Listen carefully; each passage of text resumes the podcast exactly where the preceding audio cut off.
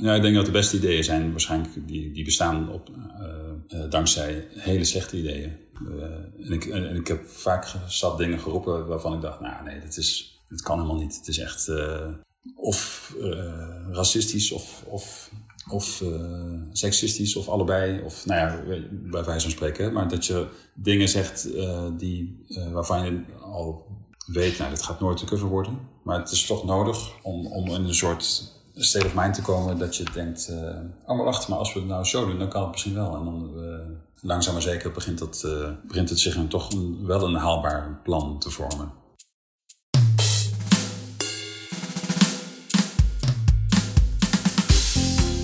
Hey, leuk dat je luistert. Dit is de Creatiedrift podcast. Mijn naam is Ruben Stelly en in deze podcastserie laat ik mij elke aflevering inspireren door creatieve makers, doeners en denkers.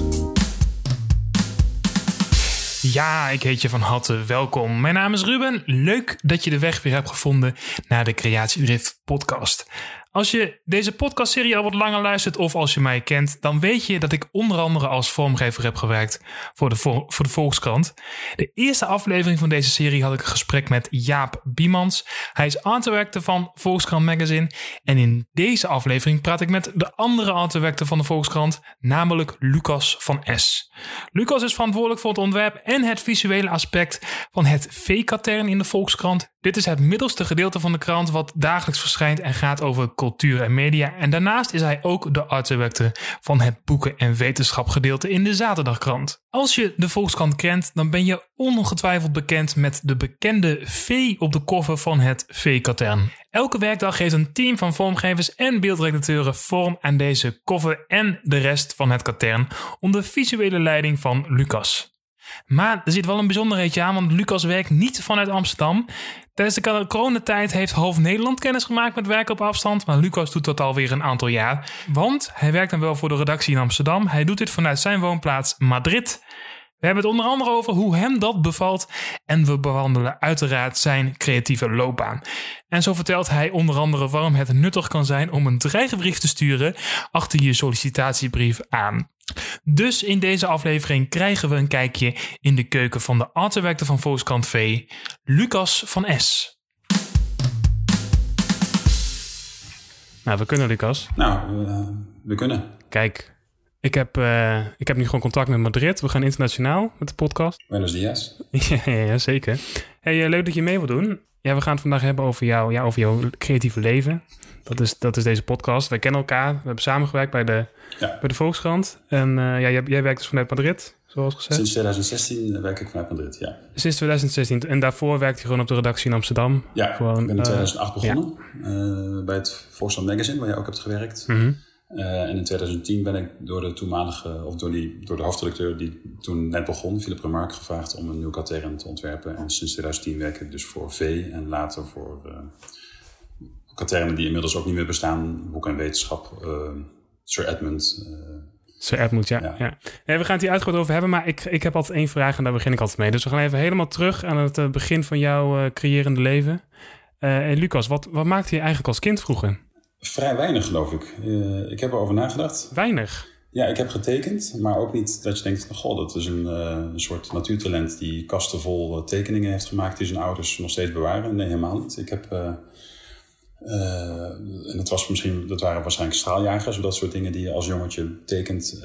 -huh. Ik geloof dat ik wel vrij veel heb gemaakt, maar dat was dan eerder met Lego of met uh, klei, weet je, dat soort dingen wel. Maar ik was niet een, een overdreven creatief kind. Niet dat ik weet. Okay. Het is wel erg lang geleden, moet ik eerlijk zeggen. um, maar nee, het is uh, pas later gekomen, geloof ik, dat ik echt dingen ging maken. Latere leeftijd. En, en wat wil je vroeger worden dan? Had je, had je iets in je hoofd of uh, had je geen idee? Als kind had ik geen idee. waarschijnlijk ook het cliché-rijtje dat iedereen wil worden straaljagerpiloot. Dus misschien ook daarom die straaljagertekeningen.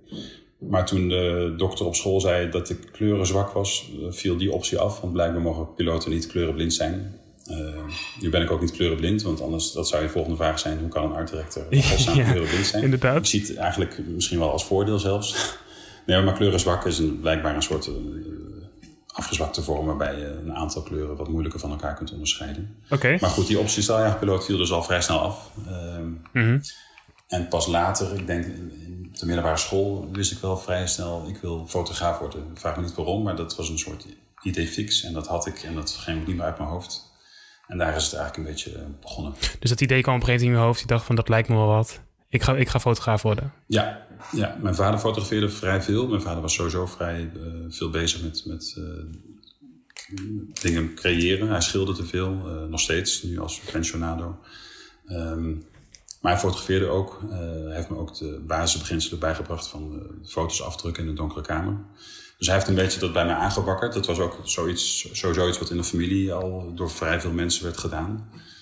Dus op de een of andere manier is ah, het op die manier is dat bij mij ook uh, dat zaadje geplant. En heb ik, uh, denk als 15, 16 jaar dacht ik, ik dat ga ik doen. En, uh, dus het was wel echt in je omgeving. Je vader deed het, zei je, en het zat ook in de familie. Dus het was wel iets wat, wat wel dichtbij was. Het was niet een onbekende wereld. Het was niet een volledig onbekende wereld, nee. nee.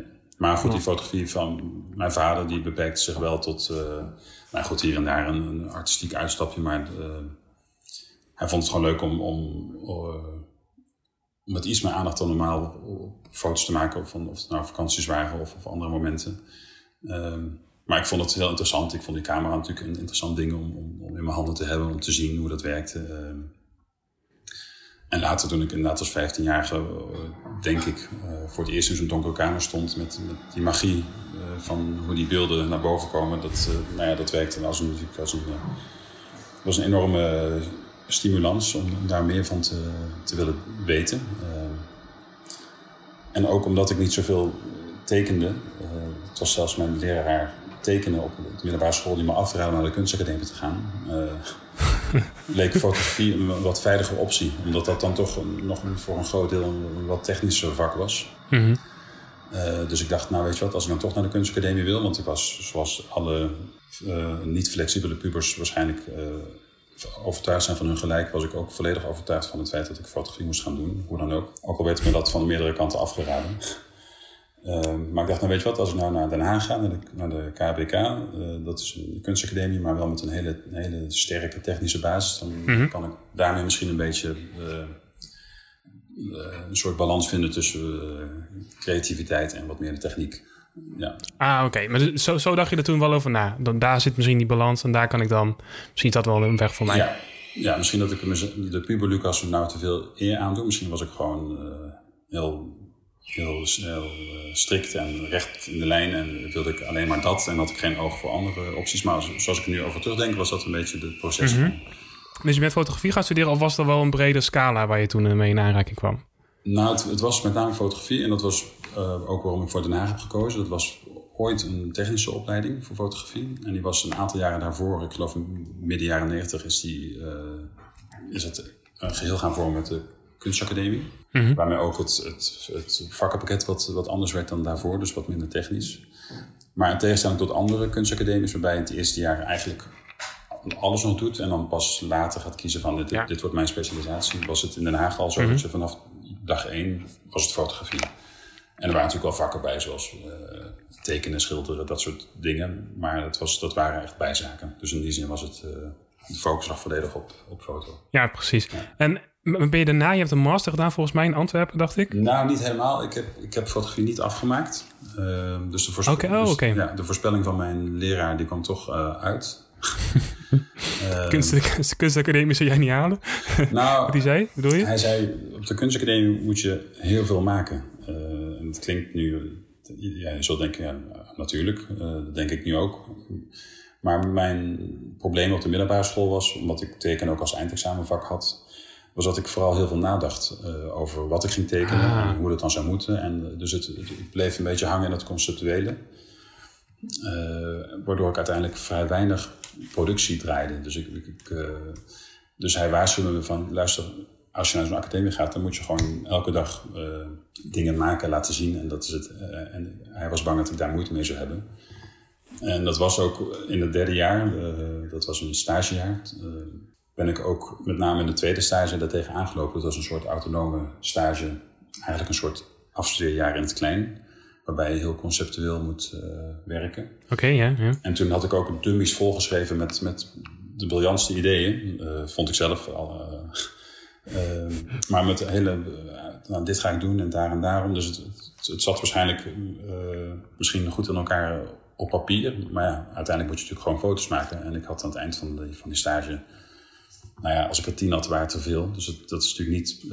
en daar, dus toen zou ik het jaar nog eens over moeten doen. En daar had ik toen geen zin in. dus toen ben ik, heb ik na een jaartje met allerlei werk ben ik alsnog naar Antwerpen gegaan om daar fotografie af te maken. Dat was het oorspronkelijke plan. Ah, oké. Ja, ja. Uh, want Antwerpen was, los van een leuke stad, was het studeren daar ook drie keer zo goedkoop als in Nederland. Dus ik dacht, nou weet je wat, dat is, dan kan ik daar mijn laatste studiefinanciering aan opmaken. Dus op praktische reden kwam jij in Antwerpen? Deels, ja. ja. Maar dat, dat bleek zo'n schoolse opleiding waarbij je letterlijk met de handen over elkaar moest zitten en ook nog elke dag een uurtje sport had en dan ook nog een paar keer in de week Duits. En ik weet, dat was, ik kwam in een soort rare wereld terecht van, van uh, hiërarchie waar ik totaal helemaal geen trek in had. En er zaten met name uh, 18-jarige Vlamingen die allemaal wel braaf met hun armen over elkaar zaten. dus toen ben ik daar na een week, geloof ik, gestopt. Vrij impulsief. En toen bleek dat de enige opleiding die nog open was, om, waar je nog kon inschrijven, of een van de weinige, was grafische vormgeving op de kunstacademie, kunstacademie in Antwerpen. Uh, dus dat, nee, dan ga ik dat doen, want dat heeft ook wel te maken met fotografie, dacht ik. Dus er is nog een soort van uh, logica. Dus het, het klinkt niet heel erg alsof, alsof het toevallig was dat je daar terecht bent gekomen. Niet dacht van, nou, misschien is het graag web wat voor mij, maar het was niet, kom op je pad. Ja, eigenlijk wel. Het was, best, het was niet echt een vooropgezet plan. Ik heb, ehm, zoals ik heel zeker wist dat ik fotografie ging doen in, in Den Haag toen ik 16 was, wist ik ook heel zeker dat ik fotografie ging, Antwerpen, ging, ging afmaken in Antwerpen toen ik uh, wat ouder was. Maar toen het toch tegen bleek te vallen, uh, was die. Uh, ja, ik, ik, had geen huis meer in Nederland. Ik, woonde, ik, ik logeerde al bij mensen in Antwerpen, dus ik, was er al. En ik moest toch iets. en het was geloof ik dat of mode. Nou ja, dat vind ik ook interessant, maar dat was, daar had ik helemaal geen talent voor. En ik dacht, nou, grafische ja, vormgeving heeft nog een soort van raakvlak met, met fotografie. Omdat je natuurlijk toch daar uh, die twee dingen vaak tegelijkertijd uh, ergens voor gebruikt. Dus toen ben ik helemaal opnieuw begonnen. Want ik mocht, ja, mijn, wat ik in Nederland had gedaan had geen waarde daar. Dus ik moest gewoon in het eerste jaar weer op, van nul beginnen. Maar dat is heel goed bevallen. Dat was een leuke, een leuke academie. Met ook veel aandacht voor uh, kunsttheoretische vakken. Dus dat vond ik heel. Uh, dat was heel wat anders dan wat ik in Den Haag was uh, gewend. Mm -hmm. Dus kunstfilosofie, literatuurgeschiedenis, dat soort vakken, dat waren allemaal vakken die erbij kwamen. Maar dat gaf wel een, uiteindelijk een heel breed, een heel breed pakket aan, aan, aan vakken. dus, dus er was ook meer ruimte voor het, het denken, het conceptuele, hetgeen wat jij dus, jou dus al lag. Er was daar meer ruimte voor. Ik denk dat dat daar wel iets meer is ja, aangewakkerd. Mm Er waren ook inderdaad vakken, de keuzevakken die je kon, kon doen, waarbij je dan uh, eigenlijk onder begeleiding van een docent en dan in samenwerking met andere studenten volledig je eigen pad kon kiezen. Uh, en dat vond ik wel erg leuk om te doen altijd. Ja. Dus in dat opzicht was het een goede keuze. Zeker, maar dus, dus, dus zo ben jij eigenlijk het vak ingerold. En toen dacht je van, dit is iets wat wel bij mij, bij mij past of wat, wat mij ligt.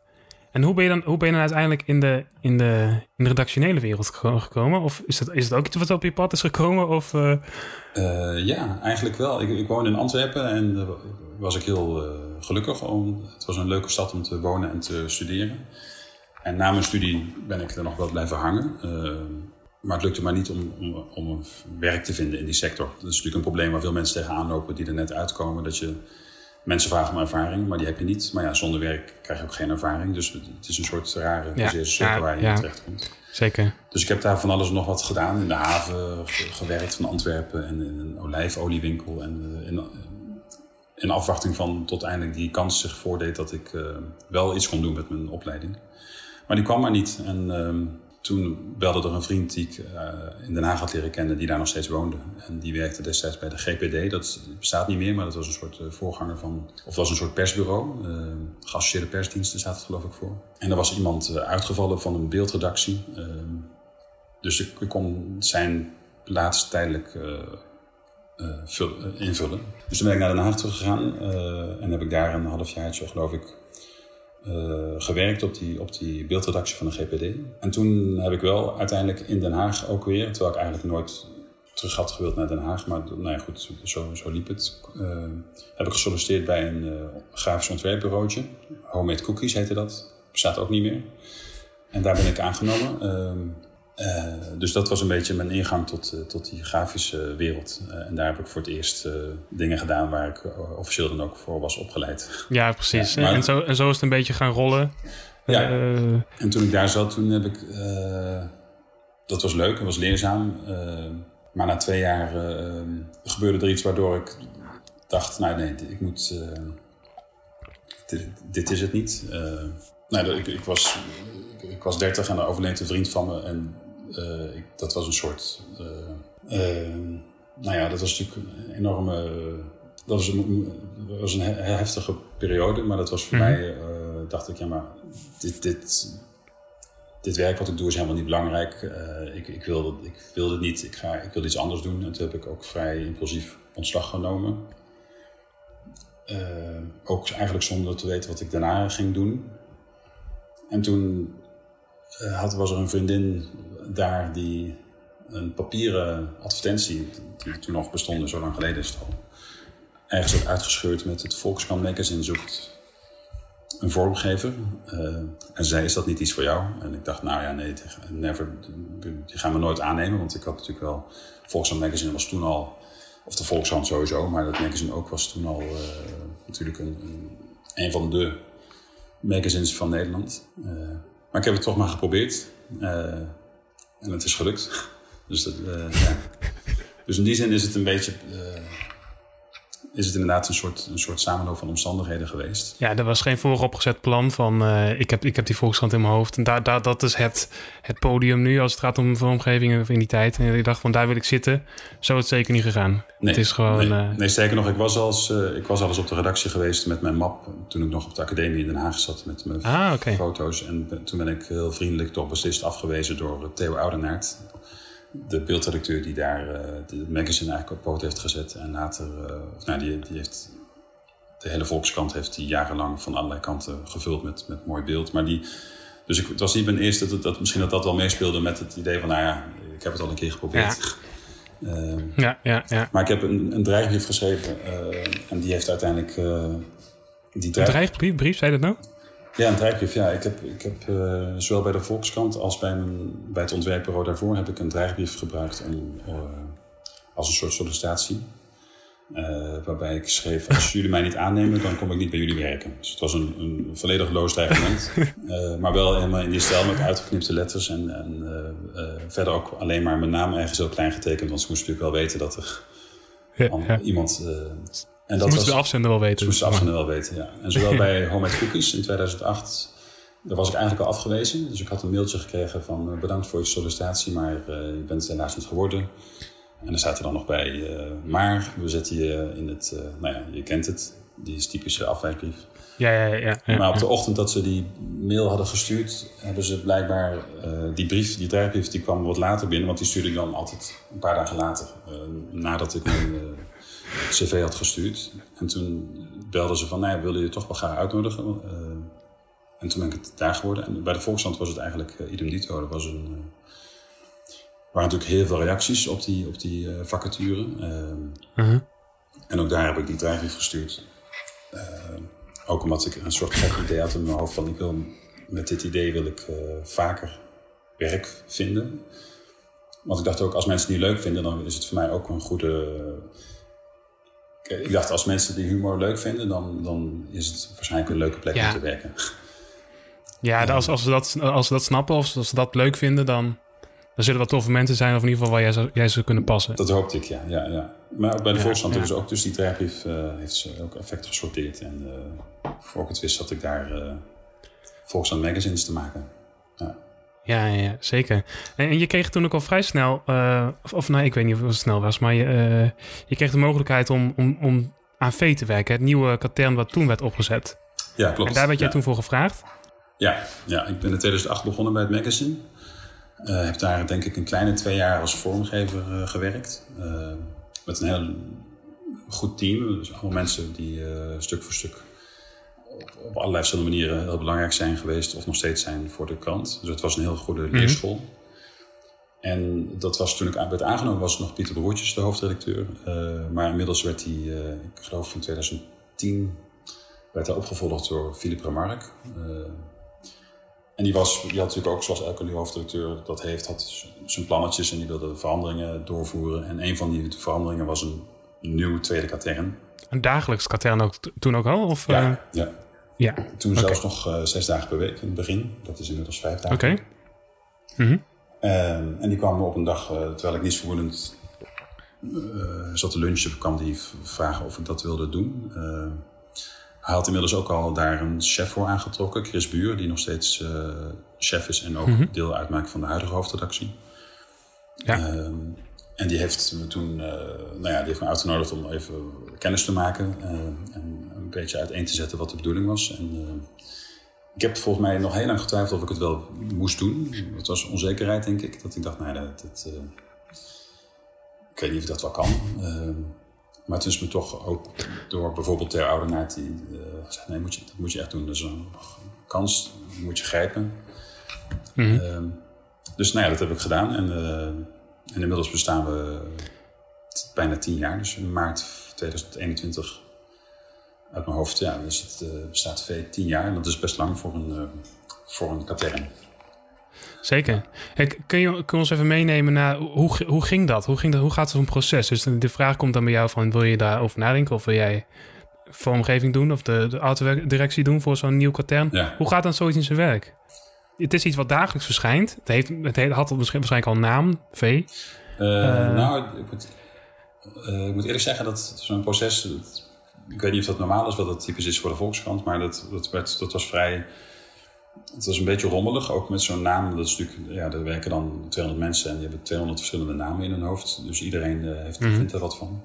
Dus of het al V heette, weet ik niet zo goed meer. Maar ja, je begint eigenlijk gewoon met een, met een uh, blanco katern. En ze zeggen, nou, we hebben dan uh, zoveel pagina's. En dat is dan ook nog per dag verschillend natuurlijk. Uh, want op maandag is de krant dunner dan op, op donderdag bijvoorbeeld.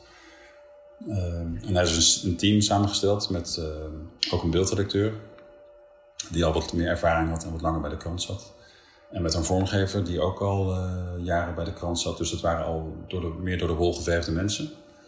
Ja, uh, ja, ja, En uiteraard dan Chris, die was aangetrokken om dat, uh, om dat hele ding uh, te gaan vullen. die heeft ook aan zijn kant ook hulp gekregen van een aantal mensen, dan meer van de schrijvende kant van de krant. Mm -hmm. en dan met zo'n ploegje begin je dan met, met brainstorms. En er zijn natuurlijk al wat ideeën van, nou, we willen sowieso misschien columns van die en die of rubrieken van zus of zo. Uh, ja, bijvoorbeeld, we hadden Paul Verhoeven al vanaf het begin die dan een column had of een rubriek over de filmgeschiedenis. We hadden Joost Zwageman. Nou ja, dat zijn dingen die al vrij snel dan, ideetjes die al vrij snel concreet worden. Ja, en, je weet dus al van, het wordt een katern over cultuur en media. Dat, dat, weet, je, dat weet je dan al eigenlijk. Dat, dat was al de insteek. Dus daar ga je al op weg. Ja, precies. Ja. Dus je weet van, we gaan elke dag willen we het cultuurkatern van Nederland uh, worden. Of, uh, mm -hmm. Met inderdaad, uh, nou ja, en dan zijn er nog vragen van, goh, gaan we dan elke dag een mix van alles brengen? Of gaan we, zoals dat tot, tot dat moment gebruikelijk was, gaan we zeggen, nou maandag wordt architectuur, dinsdag wordt jeugd, woensdag wordt mode, bij wijze van spreken. Ja, dus dat ja, zijn allemaal vragen die. Uh, maar goed, daar nam ik wel aan deel, maar dat was natuurlijk niet per se mijn uh, verantwoordelijkheid. Dus ik, ik, werd uh, vrijgespeeld om samen met, die, met de andere mensen van die ploeg die meer aan de vormgeverskant zaten, dus Kai van Eck als beeldredacteur en Martijn Stoffers als ervaren vormgever, werden, werden apart gezet om dan gewoon alvast dingen te gaan tekenen en na te denken over typografie, over wat voor soort fotografie willen we erin? Uh, wat voor soort illustratie? Uh. Maar dat was, dat was een vrij moeizaam proces, ook omdat het voor, uh, nou ja, het was voor iedereen nieuw. Het was voor mij nieuw, het was voor Chris nieuw, het was voor de hoofdredacteur was het nieuw. En op een gegeven moment hebben we hulp ingeroepen van buitenaf. en dat was Luis Mendo. En dat is een jou misschien wel bekende vormgever of inmiddels illustrator. Uh, een Spanjaard die al jaren in Nederland zat, uh, heeft heel lang als artdirector gewerkt bij Lava. En is later. Oké, okay, ja, ja, ja. Bureau in Amsterdam, ja. Ja, en is later mm -hmm. heeft, is zijn eigen bureau begonnen. Mm -hmm. En inmiddels zit hij in Tokio en is hij volledig, heeft zich volledig gericht op, op illustratie. maar goed, hij was toen nog volop bezig met het, het restylen of het stijlen of het ontwerpen van, van magazines. En, en, en ook, hij had ook al ervaring met, met kranten.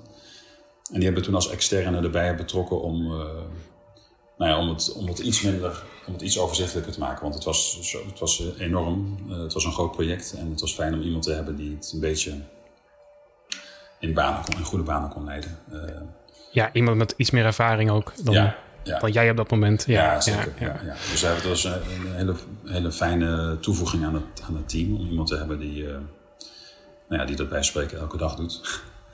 Uh, ja, nee, zeker. Ja, precies. En wat um, het kenmerkende nu van het V-katern, in ieder geval de omslag, is natuurlijk de V die elke dag erin verwerkt wordt. Ja. Um, dat is toen ook ontstaan, neem ik aan. Ja, dus dat die, idee. is die naam bedacht. Uh, naam slash logo. Uh, en ja, ook omdat we wisten, nou ja, we, zitten in, we zitten als katern verstopt in de krant. Het is niet mm -hmm. zo dat je, dat heeft te maken met de oplagen. We hebben helaas geen liedje in het katern, dus het is niet zo dat we het apart uh, kunnen presenteren of zo. Het, het, wordt echt ingevouwen. Dus dan is de noodzaak des te groter dat je een herkenbare uh, cover hebt. Omdat je natuurlijk mm op de een of andere manier moet je opvallen. En dat mensen moeten begrijpen, oh wacht, je begint iets nieuws. In plaats van dat ze gewoon doorbladeren. Ja, uh, precies. En dat we die V zo groot... Uh, we hebben natuurlijk van alles geschetst destijds. Ook met, ook met een veel minder prominente V in een hoekje. Wat, wat, wat klassieker. Maar uiteindelijk hebben we toch besloten, nou, we gaan het gewoon proberen. en we gaan die V elke dag enorm groot op die cover zetten. En dan kijken we wel waar het schip strandt. Maar dat, dat, was dus het oorspronkelijke idee. Dat, dat je hem heel groot op de cover zet. En op een of andere manier de fotografie of illustratie of ja. iets bij, bij bewerkt of bijvoegt. Ja. ja, dat was nog best een strijd in, in het begin. Uh, en ook heel erg zoeken. Want uh, nou ja, je hebt natuurlijk mensen die heel graag een foto... of die denken, nou, dit is een prachtige foto. Die willen op de cover zetten. Dus die willen... Ja, alles wat je dan toevoegt is eigenlijk gaat ten koste van die foto of van die illustratie. Dus ja, ja, ja, uh, ja. We hadden ook, uh, we hebben ook collages gemaakt waarbij we eigenlijk allerlei vrijstaande uh, beelden om die V heen verzameld. Dus we hebben van alles geprobeerd, maar het, het is de eerste paar jaar best wel een, een, een, strijd geweest. Omdat je toch, ja, ik dacht, ja, die, die cover is niet alleen maar een beeld, weet je wel. Die cover is het samenspel van zowel het beeld, of dat nou fotografie is of illustratie als die V die er gewoon uh, op hoort, maar ook de typografie. Dus je hebt die drie elementen samen moeten een, een soort logisch geheel vormen. En het is niet. Ja, ja. Uh, ja, dus we hebben in het begin, de eerste jaren, uh, als ik zo terugkijk, vrij vaak covers gehad waarbij die V er wel op stond. Maar dan eigenlijk net in een percentage dat die niet al te veel kwaad deed. In het, maar ook niks. Het was een soort vlees nog vis oplossing. Waar ik, ja niet zo van houdt. Dus, maar dat is de afgelopen jaren, uh, toen we wat meer geoefend erin raakten, is dat wel verbeterd. En begon die een steeds prominentere rol te spelen.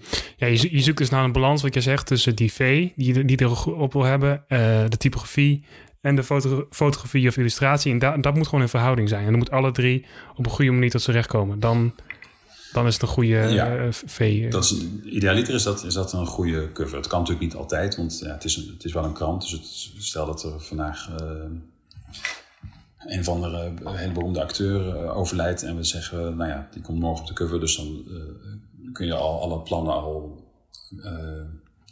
hoe zeg je dat ook weer, door het riool spoelen. ja, ja, ja. Dus, ja, weggooien, nieuw beginnen. Ja, ja. opnieuw beginnen. Maar en soms heb je gewoon interviews of, of, of onderwerpen waarbij het uh, nou ja, niet heel veel anders mogelijk is dan een portret. En dan, dan heeft die V een wat minder grote rol. Maar het liefst heb je natuurlijk een cover waarbij die V met een soort goede vondst uh, onderdeel uitmaakt van die cover. Dus, uh, en het beeld, en dat die V eigenlijk het idee versterkt en andersom. En dat het een soort hele logische drie-eenheid is. Uh, ja, ja. Maar dat lukt lang niet altijd. Maar goed, dat is niet erg, want we, we, zijn er vijf dagen per week. Dus als het vandaag niet lukt, dan hebben we morgen gewoon weer een nieuwe kans. En dat is natuurlijk uh, wel een van de voordelen van zo'n, van zo'n dagblad. Dat je wat ja, nee, zeker. Uh, ja, ja. ja, ja. ik, heb, ik, heb, ik heb Jaap ook gesproken in deze serie. Uh, Jaap Biemans, artwerker van uh, Volkskrant Magazine. dat was de eerste. Leuk, heb ik gehoord. Ja. En uh, ja, hij, hij maakt elke week een, een magazine. Maar daar zat ik ook over na te denken toen ik, uh, toen ik dit gesprek voorbereidde. Dacht ik ook van ja, maar jij of jullie, want het team is ook al groter bij, bij, uh, bij Veder, bij Volkswagen Magazine. Maar die maken gewoon, elke dag moet zo'n koffer komen. In ieder geval vijf dagen in de week moet die V op een of andere manier erop verwerkt worden. En, nou, en moet alle, het, hele katern vormgegeven worden. Is, dat is natuurlijk wel Ja. Dat is een hele grote hoeveelheid. Ja, nou je zegt het goed, een team. Het is inderdaad uh, een wat grotere ploeg dan het magazine. Uh, maar het grappige is, toen ik op de academie zat, uh, had ik al moeite met een deadline van zes maanden. Dan, dan was het, het begin van het schooljaar was al duidelijk van dit, dan en dan is de jury, of hoe heet dat, de, de, de mappenschouw, of ik weet niet hoe het heet. De, ja, de schouwbeoordeling. Ja, ja precies. precies. Ja. en dan dacht ik, oh nee, nou ja, goed, nee, dan denk je nog niet, oh nee, dan denk je, oh, vier maanden, prima, of vijf, lekker veel tijd. Tot, totdat er plotseling nog maar twee weken zijn en je eigenlijk alles nog moet doen. maar goed, dat, dat, en later bij dat uh, ontwerpbureau hadden we wat kortere deadlines, maar dat was nog steeds dan uh, misschien twee maanden of een maand, weet je wel, dat je toch... En wie had ooit kunnen vermoeden dat ik uh, inmiddels, dat je dan op een gegeven moment elke dag iets moet maken. dus dat is wel een interessante nou, ik heb het niet in één keer gedaan. Ik ben dus die deadline is alsmaar uh, steeds met een weekje, steeds een weekje korter geworden en nu is het een dag. En, maar je hebt gelijk, het is een team. Uh, ik ben natuurlijk niet alleen, helemaal niet. Er zit een, een beeldredactie die heel belangrijk is. Er zit ook, uh, los van Chris, zit natuurlijk ook aan, de, aan, de, aan die kant van de, aan de schrijvende kant ook een hele ploeg met mensen die met hun ideeën en input. Mm -hmm. nou, de kant wordt vormgegeven door, afhankelijk van de dikte, door twee of drie mensen. Dus dat, nou ja, er zijn uit, uit elk van die teams is dan een afgevaardigde eigenlijk, uh, met wie dan een bepaald coveronderwerp wordt besproken. Maar dat, nu zit er bijvoorbeeld een vrij nieuw team uh, uh, van, van beeldredacteuren. maar we hebben jaren gewerkt met Hilde Harshagen. Dat is inmiddels niet meer, maar dat is, zij is weer aan het fotograferen geslagen. Maar op een gegeven moment, als je dat lang doet, dan raak je ook op elkaar ingespeeld. En dan is het een een kwestie van gewoon uh, heel veel ideeën opperen. Uh, ook hele slechte ideeën vooral. En dan in de hoop dat daar dan een betere idee uit, uit groeit. En, ja, ook ja, fotografen en illustrators, die, of illustratoren, die weten natuurlijk ook op een gegeven moment van, oh ja, uh, die zullen in het begin ook moeite hebben met een eerste V die dwars door een beeld heen gaat. Ja, inderdaad, ja. Maar als je dan dat een paar keer hebt gedaan, er zijn mensen die, ja, die, daar, die dat heel goed, die daar prima mee uit de voeten kunnen. Dat is heel leuk om te zien, hoe die dat het, het, is, het is ook wel een leuk spelletje natuurlijk. Ja, nou, het is een spelletje. Het is, het is, uh, het is nog steeds soms irritant. Het is nog steeds dat je denkt, shit. Maar, uh, maar goed, het is een cover. Dus het, ik, ik vind dat dat coverbelang dat gaat voor elk ander belang. Ik bedoel, uh, natuurlijk heeft de fotograaf of tekenaar prachtige dingen gemaakt. Maar ja, we hebben binnenin gelukkig ook nog ruimte om dat groot te laten zien. Ja. Ja, ja, ja. En die cover moet toch vooral ook inderdaad aandacht trekken en, en en hopelijk mensen even doen fronsen of, of doen lachen. Of, of uh, in ieder geval een soort pauzemoment in, in, dat, in, dat, in die dikke krant uh, moet het zijn. Mm -hmm. sorry, ik ben even de draad kwijt wat ik nog wilde zeggen. Dat is dus ook iets wat je mee, mee wil geven, zeg maar. Dat je zegt nu zo'n pauzemoment in de krant van dat je mensen even kunt laten lachen of even. Dat is wat een cover dus ook ja. doet. Of in oh, sorry, nee, je zei inderdaad, het is een spelletje, dat, wat het inderdaad is, maar het is ook, denk ik, juist een toeltje om. om uh, een van je andere gasten heeft het ook gezegd. Uh, het is een soort beperking die je zelf oplegt, maar daardoor ben je ja, gedwongen ja. om, om ja. creatiever te zijn. Of, uh, en inderdaad, het is natuurlijk een onhandig ding. maar ja, dan, dan moet je dus even verder denken van wacht even. Dus we hebben dit en dit onderwerp. we hebben die letter. Wat, wat zijn er?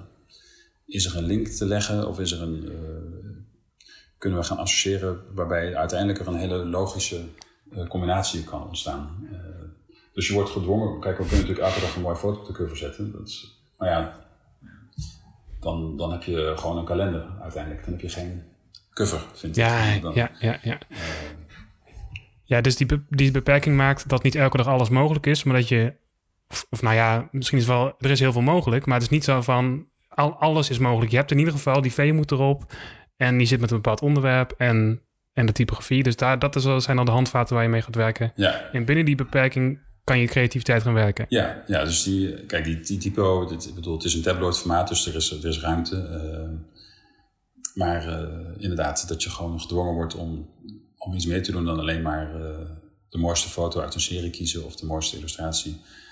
Ja. Maakt dat het, nou ja, dat het hopelijk dus een, een, een, een goede vondst oplevert. Maar ja, dat kan dus niet altijd. En dus ook, nou, nogmaals, dus helemaal niet zo, dus niet zo erg. Het is, het is, uh, ja, dat is de luxe van de krant, dat je dus lelijke dingen kunt maken of, of niet zo goed gelukte dingen kunt maken. Uh, Omdat je weet, nou ja, morgen heb ik weer een kans. En als je juist wel iets heel moois maakt, kun je denken, nou morgen maak ik nog iets moois. Dus dat is een heel prettig... Ja, ja. je hebt elke dag weer een kans om, uh, om het beter te doen dan de dag ervoor. Of als het een keer niet lukt, dan mogen we weer een kans, inderdaad. Ja, het heeft me wel wat gekost hoor, om dat te accepteren. Want, ik, want uh, nou ja, ik denk dat heel veel mensen, dat het bij het vak hoort dat je alles wat je ook maakt moet perfect zijn. Uh, er zal de een, wat, de een is wat, meer, is wat perfectionistischer dan de ander. Uh, dus ja, het is best lastig om te accepteren dat zo'n krant uh, om zes uur naar de drukker gaat en dat het dan ook echt klaar is. En dat je niet nog denkt, oh wacht, ik ga nog heel even, zoals je misschien voor eigen projecten wel gewend bent, om dan nog uh, s'avonds toch nog eventjes door te gaan. Nee, dat is gewoon geen sprake van. Dat, nee, dat, hij is weg, ja. Hij is weg en dat is best wel eens dat je denkt, nou ja, even dat is even slikken. Maar goed, dat, dat, is ook alleen maar, denk ik, een waardevolle les om dat, om dat, te realiseren. Zeker. Om dat te accepteren. Ja. Uh, ik, ik, moet nu denken, want jouw docent zei dus vroeger van... Ja, ja, ga maar niet naar de kunstacademie, want dan moet je heel veel maken. Ja. Maar nu zit jij dus in een rol dat jij elke week vijf katernen maakt... en een zaterdagkatern, het boek en wetenschap. Ja. Hoe, hoe hou je jezelf een beetje fris... of hoe hou je jezelf een beetje in de goede moed... om elke dag weer nieuwe dingen te blijven maken en, en, en te kunnen bedenken? Nou ja, het is, het is natuurlijk zo. Ik doe het uh, niet alleen, in tegendeel. Er zijn, uh, nou ja, ik, er zijn goede vormgevers die, uh, die vrij zelfstandig zo'n katering kunnen, kunnen vullen. Dus het is niet zo dat ik mm -hmm. met elke pagina moet bezighouden. Nee, en dat geldt ook voor de fotoredactie. Dat zijn ook mensen die vrij zelfstandig de beelden kiezen of laten maken bij, of zelf maken bij, bij verhalen. En ook voor de cover dingen uitzetten. Dus het is niet zo dat ik zes covers per week plus al die inhoud allemaal uh, nog even voorbij zie komen. Want dat is gewoon niet mogelijk, denk ik. En bovendien is het ook niet leuk voor de mensen die het maken. Want ik heb altijd gedacht, uh, ik wil niet helemaal voorkouwen hoe het moet zijn. Want dan haal je wel een beetje de, de lol eraf. Uh, als je, ja, ja, ja. Dus ik wil wel, ik, natuurlijk, ik moet een soort van kader stellen van, nou, dit is ongeveer het, het idee van, van V bijvoorbeeld. Uh, of van, een, of dit is het idee van dit magazine of dit is het idee van dit weekendkategen. Waarbij je zegt, nou, dit soort fotografie, de, dit is een beetje de, de stijl waar we werken. Dit is de, met deze, we gaan werken met deze typografie, daar en daarom. En vervolgens hoop je dat mensen binnen dat kader toch nog voldoende vrijheid hebben om gewoon uh, zichzelf en, te verrassen en daarmee ook, ook anderen. Want dan, dat maakt het vak voor mij ook veel leuker. Ik kan me niet voorstellen dat, dat... Ik zou het zelf nooit... Ik zou het niet leuk vinden als iemand tegen mij zegt... Nou, dit, maak dit maar uh, en uh, that's it. En dan zou ik... Ik denk niet dat ik dat heel lang vol zou houden. Dus ik, terwijl als iemand zegt... Nou, hier heb je ingrediënten, bak maar wat. En, en je hoeft niet alle ingrediënten te gebruiken. Maar, maar je moet het in ieder geval hiermee doen. En, nou ja, en vervolgens maakt iedereen daar net wel wat anders van. Dus in die zin uh, is het niet helemaal nodig om mezelf heel fris te houden, omdat ik kan vertrouwen op een uh, ploeg aan mensen die, uh, nou, die, die, allemaal ook al weten wat ongeveer de bedoeling is. Mhm. Mm -hmm. Maar los daarvan, nou, ik, ik, ik heb al jarenlang een soort moodboard aan de muur hangen. daar ben ik ook mee begonnen, denk ik, toen ik bij, het, bij het magazine begon, of misschien wat later. Dus ik verzamel al jaren postkaartjes. Dat zijn er inmiddels, nou, ik, weet niet, het zijn er misschien wel duizend, ik, ik weet het niet. Er zijn er, ik heb dozen vol met, met, uh, met kaartjes die ik dan bij elk museum bezoek of zo uh, ga ik die, dat, die winkel in. Dat vind ik vaak leuker zelfs dan, dan het museum zelf. maar dat is van alles. Dat zijn foto's, tekeningen, oude reclames, ik, weet het niet, noem, maar, noem, noem het maar op. En dat is een soort collectie die alsmaar groter wordt. En daar uh, stel ik dan uh, combinaties van samen, die hang ik op aan de muur. Uh, ja. en die verander ik dan, soms hangt het een paar dagen hetzelfde, soms dan vang ik één kaartje door en stop ik een ander voor in de plaats. oh, aanzichtkaart moet ik zeggen, sorry, ik zeg steeds kaartje, maar merk dat ik vier jaar dat ik een beetje een, een Nederlands begin te vinden. Het zijn, het zijn aanzichtkaarten die voornamelijk in musea winkels liggen en, en, dat soort. Met, met kunst, fotografie, illustraties, ja, dat soort precies. kaarten. Ja, ja. En dat is dus, uh, nou het leuke daarvan is dat het, nou ja, het is gewoon grappig, want het, je loopt er elke dag aan voorbij. Dus je kan elke dag even een blik op werpen en, het, en er zitten dan uh, en het, het idee is een beetje dat je daardoor dat, doordat die, door die combinaties moet je, word je gedwongen om te associëren. Uh, of dat, ik vind het leuk om bij een bepaald ah. kaartje uit 1714 een, een, foto te zoeken uit 1950 die, die er op wat manier ook een soort link mee heeft. Ook al bestaat die link misschien alleen, alleen maar in mijn hoofd, maar het is grappig om te zien hoe twee of drie of vier of, of tien van die aanzichtkaarten samen weer een, een ander verhaal vertellen of een ander beeld maken. En voor hmm. mij is dat een soort ongoing uh, oefening in, in associëren. Dus, dus, het is een soort beeldbank. Ehm, en als je daar maar gewoon vaker nog naar kijkt, dan, dan uh, kan het zomaar zijn dat ik voor de krant uh, iets moet verzinnen of zo. En met een bepaald onderwerp. En, en dat dat ergens in dat achterhoofd een link heeft met iets wat ik ook aan de muur heb hangen, bijvoorbeeld. Ja, ja. Ja, ja, precies. Waardoor je, nou ja, misschien denkt, oh ja, wacht. En dan misschien een associatie oproept. En dat, die, die associatie kan dan een beginpunt zijn van, van een zoektocht naar, mhm. eh, naar een uiteindelijk cover bijvoorbeeld. Uh, dus dat is een manier om, om, uh, nou ja, om, om toch continu met, met beelden bezig te zijn. En ik geloof dat dat wel een hele belangrijke is. En het is, het is ontstaan een beetje omdat je een interesse had, omdat je het gewoon leuk vond om die dingen te verzamelen. En toen ben je, het, ben je eens een keer op gaan hangen en zo is het ja. En als je nu op terugkijkt, dan zou je zeggen, kunnen zeggen van misschien is het wel een manier om mij creatief scherp te houden. Ja, ja het is inderdaad, het is ook weer, het is ook weer zonder echt voor opgezet plan ontstaan. Want ik had geloof ik in Amsterdam in mijn toenmalige appartement een gat in de muur. En dat is toen uh, dichtgesmeerd door een stuk door die uh, geen zin had of, uh, of ik weet niet, moe was. Maar niet, hoe dan ook was het, was het een, een, een hele lelijke muur geworden. Dus toen had ik daar, heb ik daar een soort ophangsysteem voor geplakt. Uh, en vervolgens die kaartjes er tegen aangezet, waardoor je niet meer... dus zo is het begonnen. Ja, ja, en dat ik dan, ja... Ik krijg, ik krijg een beetje het idee dat jouw leven ook een beetje aan toevalligheden aan elkaar hangt soms. Dat je dan uh, denkt van, uh, nou, misschien...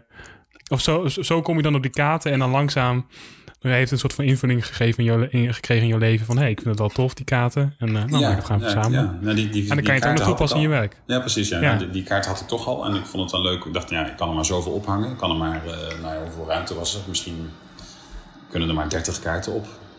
Dus dan kon ik ze mhm. nooit allemaal ophangen. Uh, en dus het werd een leuke, ik vond het een soort uitdaging om dan die doos open te maken en er een stapel uit te halen. En dan vervolgens een soort van, nou ja, kwartet of, of, een, of een soort kaartspel. Uh, met één beeld vervangen door het andere en kijken wat er gebeurt. En, uh, zo is dat een beetje gegroeid. Ja. Spelen, spelen met, de met, uh, met ansichtkaarten, postkaarten, ja, ansichtkaarten. En, en, en dan kijken wat, uh, wat er gebeurt eigenlijk.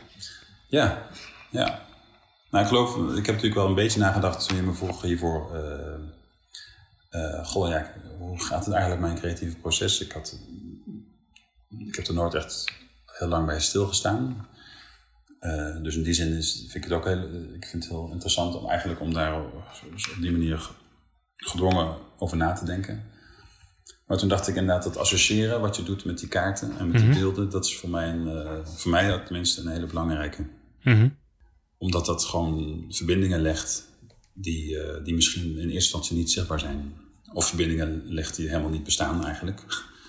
Maar dat, en in die zin zie ik wel een soort link met bijvoorbeeld die covers van V. Dat je, nu is dat helaas niet meer zo, omdat ik natuurlijk op afstand werk. Maar vroeger, als ik toen nog op de redactie zat, dan stond ik bij zo'n whiteboard samen met bijvoorbeeld uh, Chris en, Hilde, de, de, beeldredacteur destijds. Uh, en dan wordt gezegd, nou, we hebben volgende week donderdag dit en dit verhaal. Uh, dit is eigenlijk een beetje de portée van het verhaal. Dit is wat zullen we eens gaan doen? En dan, om dan vanuit, terwijl je nog het verhaal nog niet hebt gelezen, want het, is, het verhaal is nog niet klaar. Je hebt alleen maar eigenlijk een beetje de kern. Mm -hmm. uh, en om dan vervolgens op basis van heel beperkte informatie toch alvast te kunnen gaan nadenken. Ik denk dat dat, nou, voor mij begint dat dus inderdaad met zo'n, met associëren en, en dan en heel veel slechte ideeën, heel veel echt zeer slechte ideeën hardop zeggen. Uh, dus het is ook wel een kwestie van durven en dat vertrouwen dat, je, dat, dat die andere mensen niet denken, nou ja, die man is gek. Ik bedoel, dat, misschien denken ze dat wel, maar, de, maar dat is niet erg. Ja, je moet het durven zeggen. Ook al denk je van, eh, misschien, ik weet niet wat het is, maar je weet nooit wat associatie kan planten en dan Precies. iemand ja. anders voor associatie kan geven. Ja, ja, Nou, ik denk dat de beste ideeën zijn waarschijnlijk die, die bestaan op, eh, eh, dankzij hele slechte ideeën.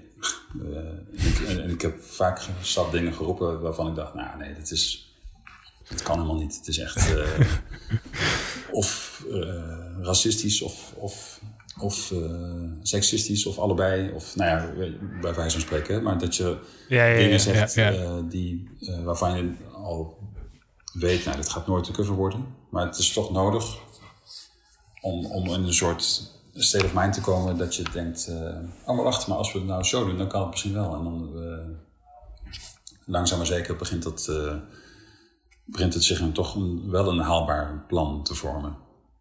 Ja, ja, ja, ja, ja. ja do- door het associëren of door een slecht idee op te go- gooien, dan, dan verplicht je je hoofd ook om, om de boel een beetje op te rekken of zo. Of om, eh, Ja, eh, ja, dat je, dat je er al anders over na moet gaan denken. Of, of stel, ik zie dan bijvoorbeeld voor dat je twee postkaarten of ansichtkaarten hebt.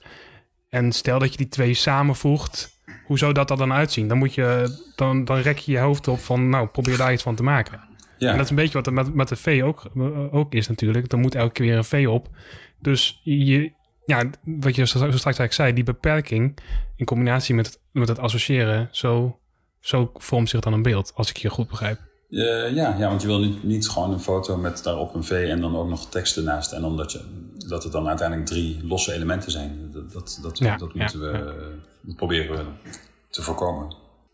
Ja, het, je, je moet gewoon het vertrouwen hebben om, om, om, je, om je hoofd naar, de, naar plaatsen te laten gaan waarbij die eigenlijk eh, verboden toegang zijn misschien. Of die, eh, of die volgens de regels verboden toegang zijn. Mhm.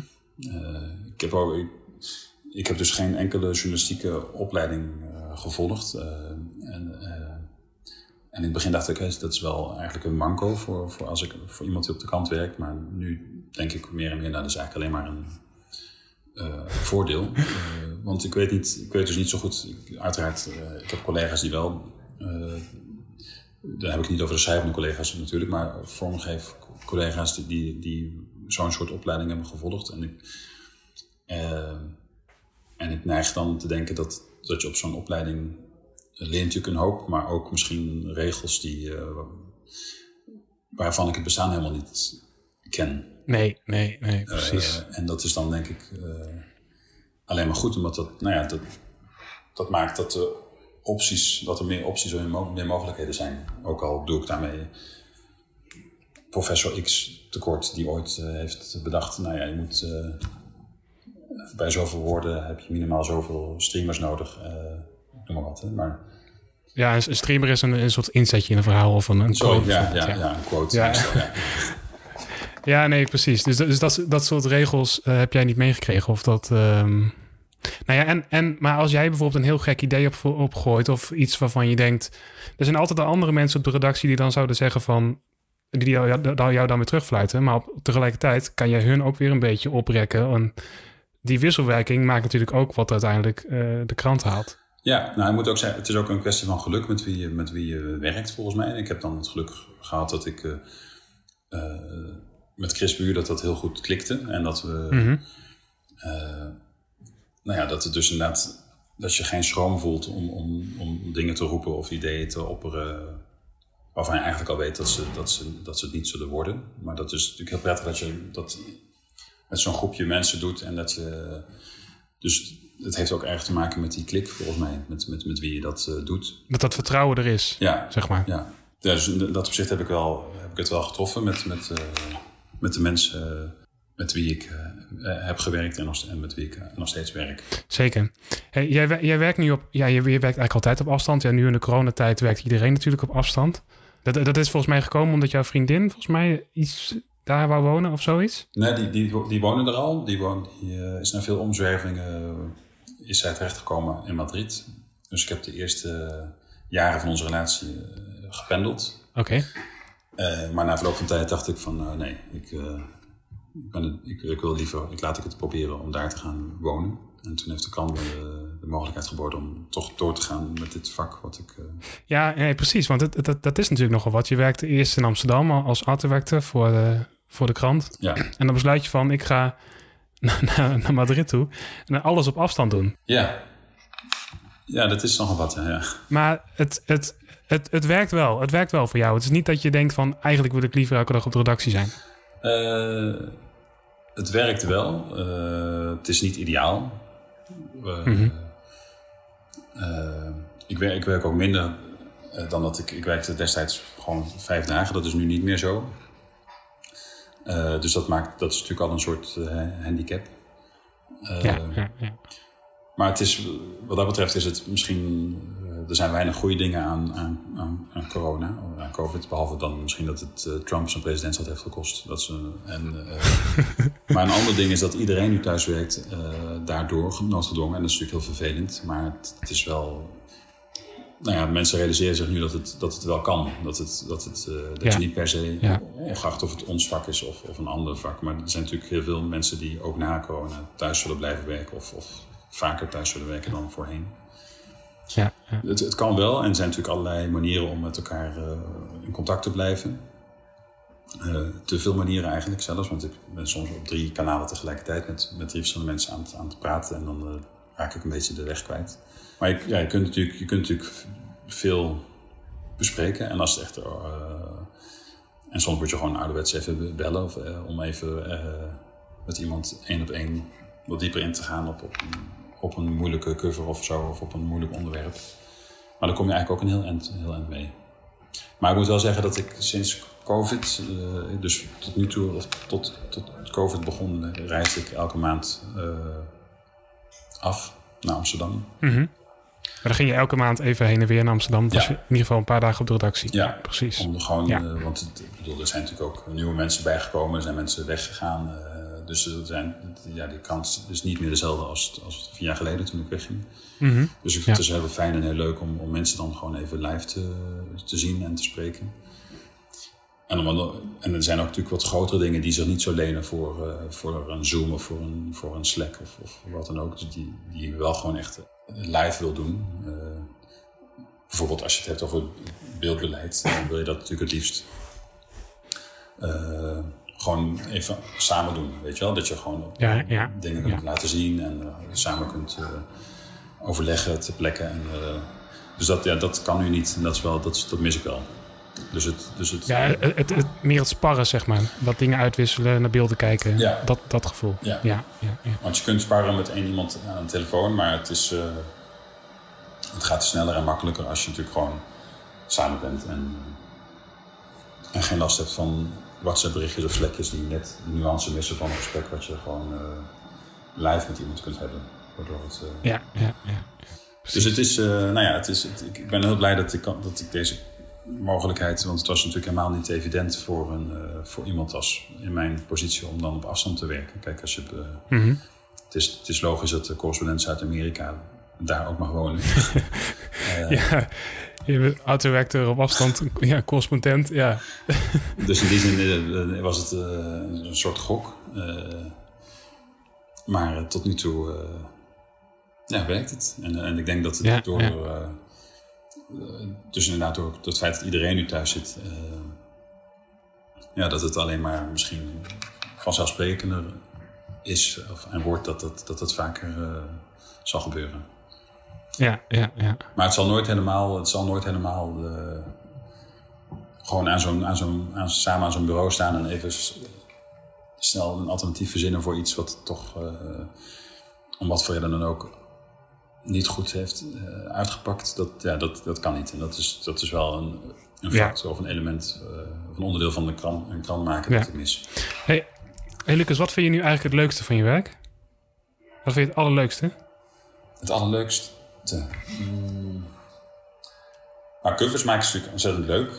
Uh, maar ja, de, de, krant is meer dan alleen maar covers. Uh, maar die covers zijn natuurlijk, daar is natuurlijk een hoop vrijheid. Die, uh, mm -hmm. Nou ja, ik, ik, ik, moet zeggen dat ik het covers maken doe ik minder dan ik zou willen.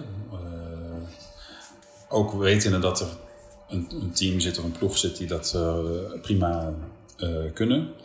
Uh, maar noodgedwongen moet ik, zijn er andere dingen waar ik me mee bezig moet houden, die dan voorrang krijgen. Nou, idealiter zou ik natuurlijk gewoon lekker covers verzinnen en maken en, uh, En misschien zelfs ook zelfs het, zelf het beeld maken of zo, weet je wel. Als het, Ja, dat is natuurlijk ook... Het is nu vooral... Ehm, jij en de beelddirecteur zijn ook vooral bezig van welke illustrator of welke fotograaf zou hier een beeld bij kunnen maken natuurlijk. Hè? Ja. Dus dan, Ben je, ja, dan ben je niet meer zelf de maker eigenlijk. Nee. Fotografeer jij zelf nog eigenlijk bijvoorbeeld als hobby of niet? Uh, nu nauwelijks meer. Ik, ik, ben er wel weer een, toevallig de laatste tijd weer wat mee begonnen. Uh, ook omdat ik niet weet of mijn tijd hier in Madrid eindig is. Ja, bedoel, die is eindig, maar uh, ik weet niet of dat mm -hmm. volgend jaar is of over tien jaar of over twee maanden bij zou spreken. Want er zijn te veel factoren die daar, die, die daar invloed op hebben. En ja, waarvan ik niet weet hoe, hoe die zullen zijn in, binnen, binnen de afzienbare tijd.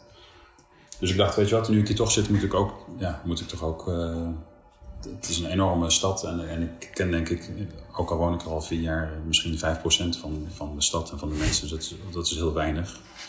Dus ik, ja. heb, ik heb mezelf gedwongen om, uh, nou ja, om gewoon bij zo'n spreken vrij gestructureerd uh, bijvoorbeeld een beginpunt van de metrolijn in te stappen en dan elke metrolijn uit te rijden tot het eindpunt en daar uit te stappen en dan daar foto's te maken en terug te lopen of zoiets. En, en vervolgens. Nou goed, dat is een, een aanpak om die stad een beetje te doorgronden. Uh, mm -hmm. En dan hoop dat ik dan ook misschien nog hier en daar een aardige foto maak. Uh, en ik ben ook wel een beetje begonnen, maar dat is nog. Ik heb ooit, dat is, toen ik nog in Amsterdam zat, heb ik mezelf gedwongen om elke dag een foto te maken. Oh ja, ja, ja. Dat heb ik toen een jaar of drie, drieënhalf volgehouden, geloof ik.